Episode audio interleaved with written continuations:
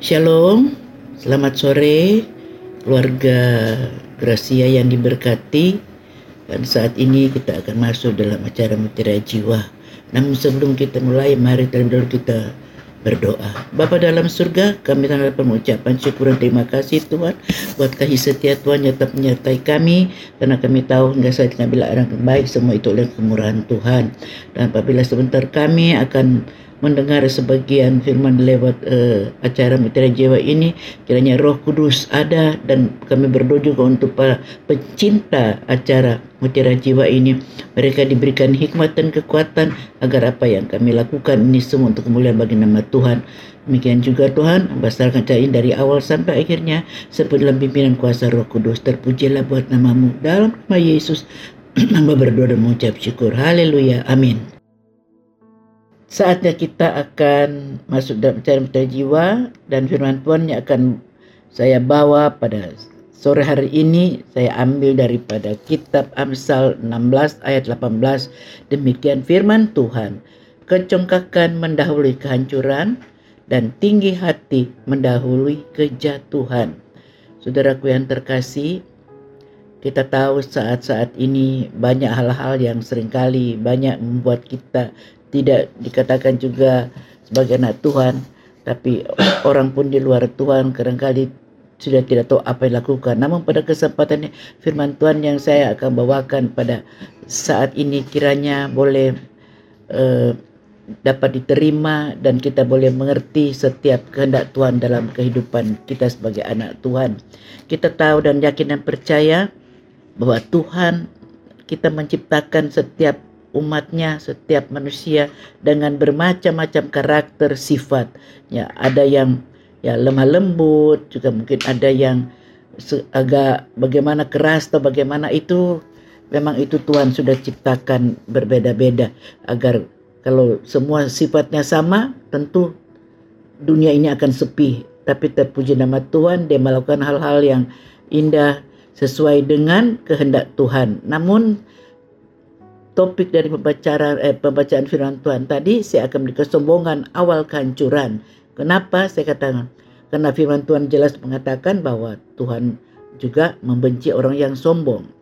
Oleh sebab itu, apabila kita diciptakan, apabila kita atau saya dan saudara memiliki kelebihan di dalam talenta atau kemampuan yang mungkin ya berbeda dengan yang lain, mungkin kita dikatakan mungkin kita dikatakan agak lebih lebih baik. Tapi kita harus sadar bahwa itu Tuhanlah yang menganugerahkan atau memberi talenta-talenta kepada kita. Jadi dengan apa kelebihan-kelebihan yang kita miliki uh, yang Tuhan sudah berikan kita sadar bahwa Tuhan menganugerahkan itu bukan untuk kita bermegah tapi semua itu untuk kemuliaan bagi nama Tuhan. Jadi lebih jelas eh, kita harus sadar bahwa talenta atau kemampuan yang kita miliki bukan menjadi kita sombong, tetapi kita harus syukuri karena anugerah yang telah Allah berikan kita mensyukuri buat segala apa yang Tuhan berikan. Kita bersyukur kalau Tuhan memberikan kita suatu kemampuan atau talenta-talenta yang luar biasa. Tapi jangan jangan kita menganggap karena orang lain tidak memiliki itu terus kita menganggap orang lain itu uh, hina atau apa tidak. Sekali lagi saya katakan Tuhan memberikan kemampuan kita berbeda-beda. Talenta kita berbeda-beda. Kita bersyukur, kita bersyukur kalau kita dimiliki ketalenta yang luar biasa. Tapi satu hal, Talenta yang kita miliki itu bukan untuk kita bermegah, tapi untuk kemuliaan bagi nama Tuhan.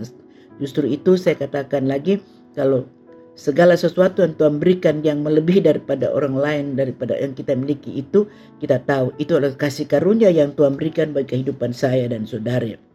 Oleh sebab itu saudaraku, ya kiranya lewat kebenaran firman ini, ya kita boleh menerima dengan lapang dada, tahu Tuhan mengingatkan kepada kita untuk kita menjadi orang yang rendah hati. Kita juga harus tahu bahwa anugerah yang Tuhan berikan kepada kita bukan agar kita untuk semakin uh, semakin gagah atau semakin merasa tinggi hati tetapi semua itu Tuhan jadikan Tuhan berikan kepada saya dan saudara agar kita menjadi orang-orang yang dapat menjadi berkat di mana kita berada.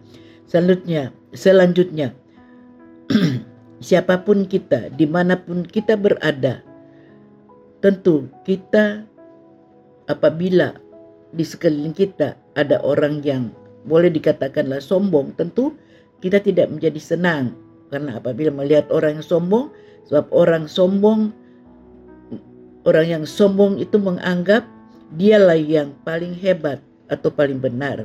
Sekali lagi saya katakan, Siapa pun saya dan saudara, apabila kita, berada dalam lingkungan-lingkungan orang yang sering kali berbicara tinggi, mengacu kata-kata yang sedang memuji, wah saya bisa begini dan saya bisa begitu, tuh kalau nggak saya nggak mungkin.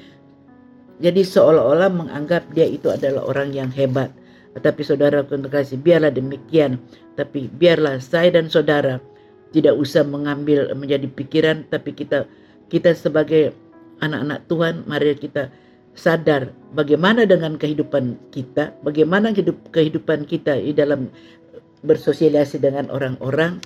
Jadi saya katakan saya juga pribadi misalnya ada teman kita yang selalu bicara meninggikan ya mungkin saya tidak langsung mungkin saya tidak langsung menegur tetapi tentu ada rasa nggak suka juga karena apa saya melihat juga kalau orang yang orang yang sombong itu susah susah mau menerima teguran orang. Misalnya orang uh, member, uh, mengatakan kamu jangan begitu ini di mana kita harus tahu situasi. Kalau orang yang sudah dengan memiliki memiliki hati yang selalu menganggap dia yang paling hebat dia tidak mau menerima teguran orang lain. Itu itu sudah jelas jelas banget. Karena dulu saya juga pernah eh, mengalami teman waktu saya masih sekolah. Dia kalau berbicara wah saya dapat nilai sekian, sekian, sekian.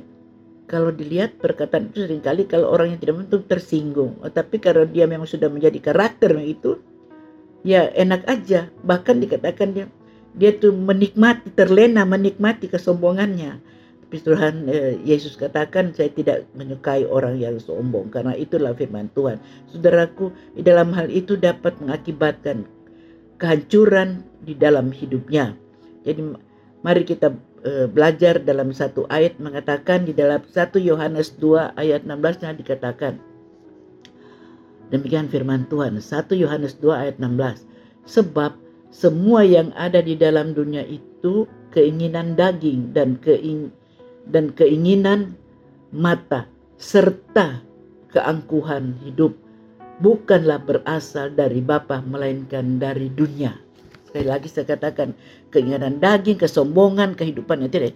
Itu bukan dari Bapa. Tuhan tidak memberikan karakter, Tuhan tidak memberikan hal-hal yang demikian bagi kehidupan saya dan saudara bagi setiap ciptaannya Tuhan.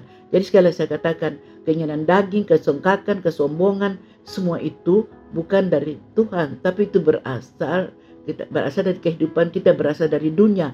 Mungkin di tengah-tengah kita ber, uh, berkomunikasi dengan sesama kita, kalau kita melihat mungkin kita bisa terpengaruh aja, tapi ingat bahwa Tuhan katakan kalau kita memiliki hal-hal itu, itu bukan dari Tuhan tidak memberikan itu kepada kehidupan saya dan saudara sebagai orang percaya.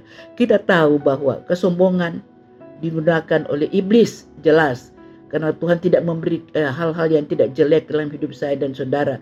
Jadi saya yakin eh, bahwa kesombongan itu berasal dari iblis untuk menjatuhkan, menghancurkan kehidupan daripada anak-anak Tuhan. Iblis tidak mau kalau hidup kita hidup boleh berkenan di hadapan Tuhan. Kalau hidup kita berjalan sesuai dengan kebenaran, dia dengan cara apa pun, dengan situasi apa pun, dia ingin dia ingin merubah kehidupan kita. Tapi kita ingat ya, kita ingat bahwa kesombongan digunakan iblis untuk menjatuhkan atau menghancurkan kehidupan daripada anak-anak Tuhan. Apabila jadi kita dikuasai oleh kesombongan, kita akan menjadi lengah dan dan terlena dengan keadaan itu, bahkan hidup kita menjadi buruk lagi. Bahkan bahwa Allah membenci orang sombong. Oleh sebab itu mari saudara, Kesombongan bukan berarti kita menjadi orang yang sangat sempurna, sangat hebat. Tapi kesombongan di sini dikatakan akan menjadikan kita dalam kehancuran hidup ya. Dan kita akan tidak merasakan sesuatu apa pun dalam hidup kita. Bahkan mungkin juga di mana kita berada kalau sifat kita penuh dengan kesombongan. Mungkin dia berkatakan, tuh lihat saya bisa melakukan ini. Tuh kalau enggak saya itu tidak akan jadi. Di mana pun saya diperlukan di mana aja Ya, saudaraku, sebagai orang orang yang takut akan Tuhan, sebagai orang yang mau hidup dalam kebenaran Tuhan, dia tidak akan melakukan seperti itu. Tapi orang yang sudah jauh daripada Tuhan, pasti dia suka uh, memamerkan kehidupan dia karena dia merasa dia sanggup melakukan, dia mampu melakukan sesuatu, walaupun itu hal-hal yang tidak disukai oleh orang sekeliling dia, tapi oleh karena dia sudah memiliki sifat sifat yang demikian, maka dia lakukan itu. Tapi saya mau ingatkan, saya mau ingatkan lagi bahwa Allah membenci atau Tuhan membenci orang yang sombong ya. Kalau kita baca lagi dalam ayat uh, dari kitab Amsal ayat 26 kitab Amsal 26 ayat 12 demikian firman Tuhan. Jika engkau melihat orang yang menganggap dirinya bijak, harapan bagi orang Babel lebih banyak daripada orang itu Seringkali kita menganggap kita orang hebat, kita orang bijak, kita melakukan segala perkara, kita bisa melakukan ini, apa yang kita lakukan berhasil. Itu itulah orang-orang yang menganggap dirinya hebat dan sanggup melakukan. Wah, saya bisa saya bisa dipakai di mana pun saja. Tapi saudaraku yang terkasih dikatakan harapan bagi orang Babel lebih banyak daripada orang itu.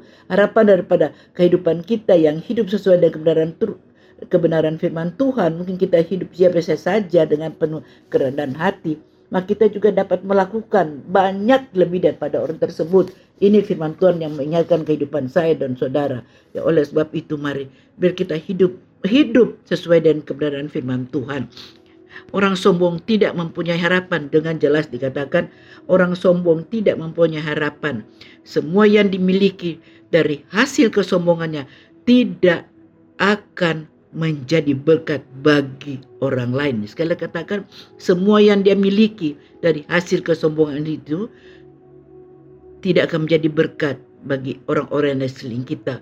Bahkan dikata tidak mempunyai harapan, tidak punya harapan yang baik, tidak punya harapan kehidupan yang menyenangkan Tuhan dan itu Tuhan Tuhan tidak mau kita memiliki sifat yang seperti itu. Tuhan mengajarkan kita untuk hidup dalam kerendahan hati, hidup dengan kebijak yang Tuhan berikan. Jadi hal-hal yang bertentangan eh, dari kehidupan yang bukan daripada Tuhan eh, sebagai anak percaya yang kita melakukan jauh daripada itu kita tahu bahwa Tuhan tidak akan menerima Tuhan tidak akan mengasihi saudara dan saya tetapi saudara saya mau katakan lagi kalau kita hidup dengan kerendahan hati maka sekali kita akan melihat kemuliaan Tuhan. Kita melihat bagaimana Tuhan memakai kita dengan segala keberadaan kita yang dengan segala kemampuan yang Tuhan berikan dengan hikmat Tuhan hingga hidup kita boleh menjadi berkat. Tapi orang yang menyombongkan diri tidak ada harapan dan semua yang dimiliki dikatakan sekali hasil kesombongan itu tidak akan menjadi berkat bagi orang lain. Kalau saya seperti orang yang biasa saja ingin apa yang kita lakukan walaupun itu sangat sederhana, sangat kecil, tapi kiranya hal itu, hal itu boleh menjadi berkat, menjadi kekuatan dalam pada siapa pun yang kita lakukan. Ini yang menjadi kerinduan kita. Jadi Tuhan mau ajarkan kepada saya dan saudara, biarlah dalam segala tingkah laku kita, tutur kata kita, di mana kita berada, sifat kita, karakter kita, jangan kita jangan kita menyombongkan diri. Karena kita tahu semua talenta, semua kebijakan yang ada yang kita bisa lakukan itu hanya berasal daripada Tuhan. Saudaraku yang terkasih, sekali saya katakan hasil daripada orang yang sombong itu tidak menjadi berkat. Hasilnya itu bahkan bahkan yang ada hanya bisa menerima ejekan. Jadi tapi saya dan saudara kalau kita menghidup sesuai dengan kerendahan hati yang Tuhan berikan kepada kita, maka kita mempunyai harapan yang luar biasa tapi orang-orang yang berjalan dengan kekuatan sendiri dengan himmat dan kesombongan, mereka tidak memiliki memiliki harapan yang baik. Bahkan hidup mereka akan dijauhi, hidup mereka akan dikucikan bagi bagi orang lain. Sebab itu Tuhan mengatakan biarlah kita menghidup dengan kebenaran. Sekali lagi dalam Roma 12 ayat 16 firman Tuhan mengatakan saya akan baca lagi Roma 12 uh, Ayat 16 demikianlah firman Tuhan. Hendaklah kamu sehati sepikir di dalam hidupmu bersama. Janganlah kamu memikirkan perkara-perkara yang tinggi, tetapi arahkanlah dirimu kepada perkara-perkara yang sederhana. Janganlah menganggap dirimu pandai. Saudaraku, dengan tegas firman Tuhan pada saat ini mengingatkan kepada saya dan saudara bahwa hendaklah kita memiliki uh, hati yang sepikir dalam hidup bersama-sama dengan di mana pun kita berada. Dengan kata kita orang yang rendah hati. Kita kalau memikirkan, orang yang sombong selalu memikirkan hal-hal yang tinggi, perkara-perkara yang tinggi. Walaupun itu dia tidak mampu, tapi karena dia memiliki karakter yang sombong, dia menganggap dia mampu untuk melakukan. Tetapi di sini dengan jelas, untuk janganlah kamu memikirkan perkara-perkara yang tinggi, tetapi hmm, arahkanlah dirimu kepada perkara-perkara yang sederhana. Tuhan mengingat kita perkara-perkara perkara-perkara yang menjadi berkat, perkara-perkara yang dapat memuliakan nama Tuhan. Kalau kita uh, mengalihkan perkara-perkara tidak bas, tidak bisa kita lakukan yang tidak bisa kita jangkau, maka hal itu bukan menjadi berkat. Bahkan hal itu hidup kita akan jauh daripada kebenaran. Bahkan mungkin juga karena dengan karakter kesombongan itu menguasai hidup kita, menguasai hidup orang-orang yang sudah memiliki karakter demikian, maka dia menganggap bahwa segala sesuatu dia mampu melakukan seolah dia hidup merasa hidup dia tidak memerlukan Tuhan. Tapi saudara dikatakan kalau kita mau hidup dengan kerendahan hati, maka hidup kita memiliki harapan. Tuhan selalu menolong saya dan saudara. Dia ingin kita dalam setiap situasi apa pun hidup kita menjadi terang, menjadi saksi Kristus. Apa pun yang kita lakukan, apa pun yang kita katakan, semua itu untuk kemuliaan bagi nama Tuhan. Jadi dikatakan juga kesombongan berasal dari iblis. Tadi saya suka katakan kesombongan hidup orang itu berasal dari iblis, bukan dari Tuhan. Karena Tuhan tidak mengajarkan itu. Tuhan tidak mengajarkan hidup saya dan saudara hidup hidup dengan kesombongan tetapi dia menginginkan untuk kita hidup sesuai dengan kebenaran firman. Ber, eh, karena semua itu berasal dari iblis hingga dapat menjauhkan hidup seseorang dari kebenaran Allah dan menuju kepada kebinasaan. Saudara, saya percaya kita mau hidup dengan kesungguhan kepada Tuhan dengan sepenuh kerendahan hati.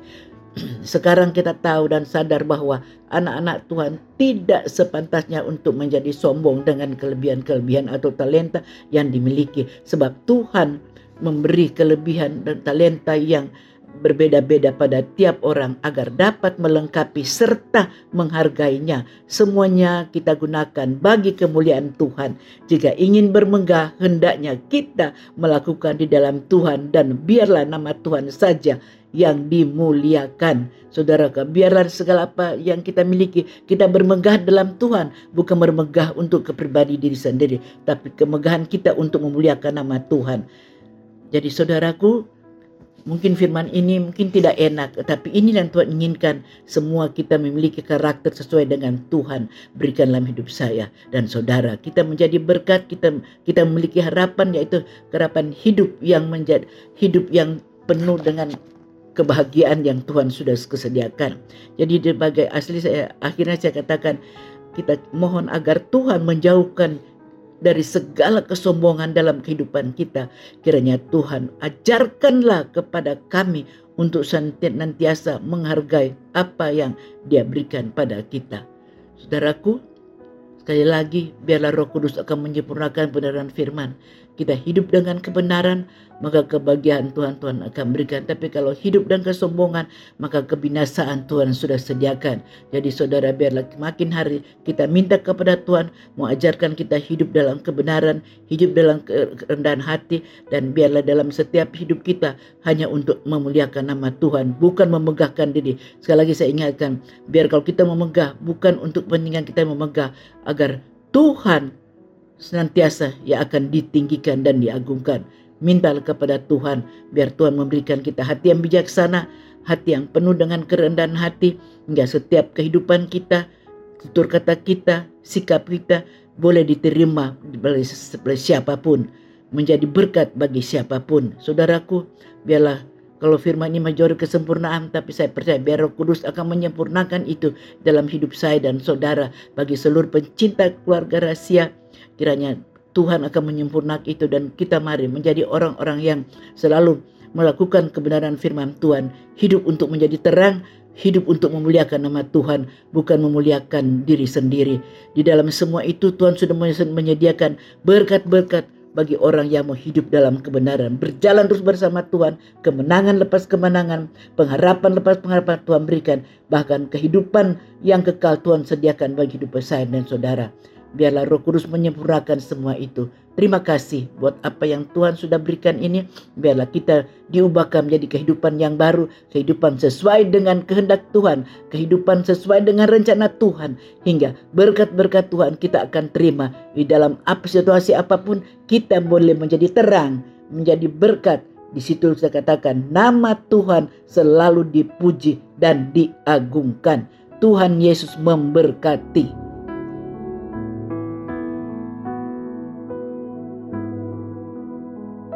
Kembali hamba datang di hadapanmu dengan ucapan syukur terima kasih kalau hamba boleh dapat melakukan segala apa yang Tuhan inginkan dengan baik semua itu adalah karena kasih karunia Tuhan.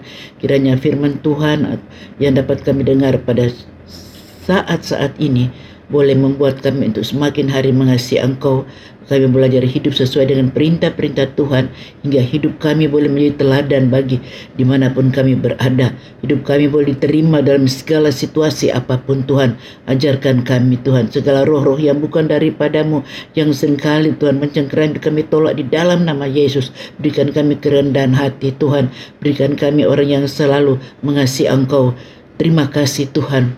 Sekali lagi biarlah roh kudus akan menyempurnakan acara ini kebenaran firman ini bagi setiap pendengar pencinta daripada acara Mutiara Jiwa ini dan apa yang kami dapat sungguh-sungguh mendatangkan puji dan hormat bagi namamu. Dan dalam nama Yesus, berdoa mengucap syukur. Haleluya. Amin.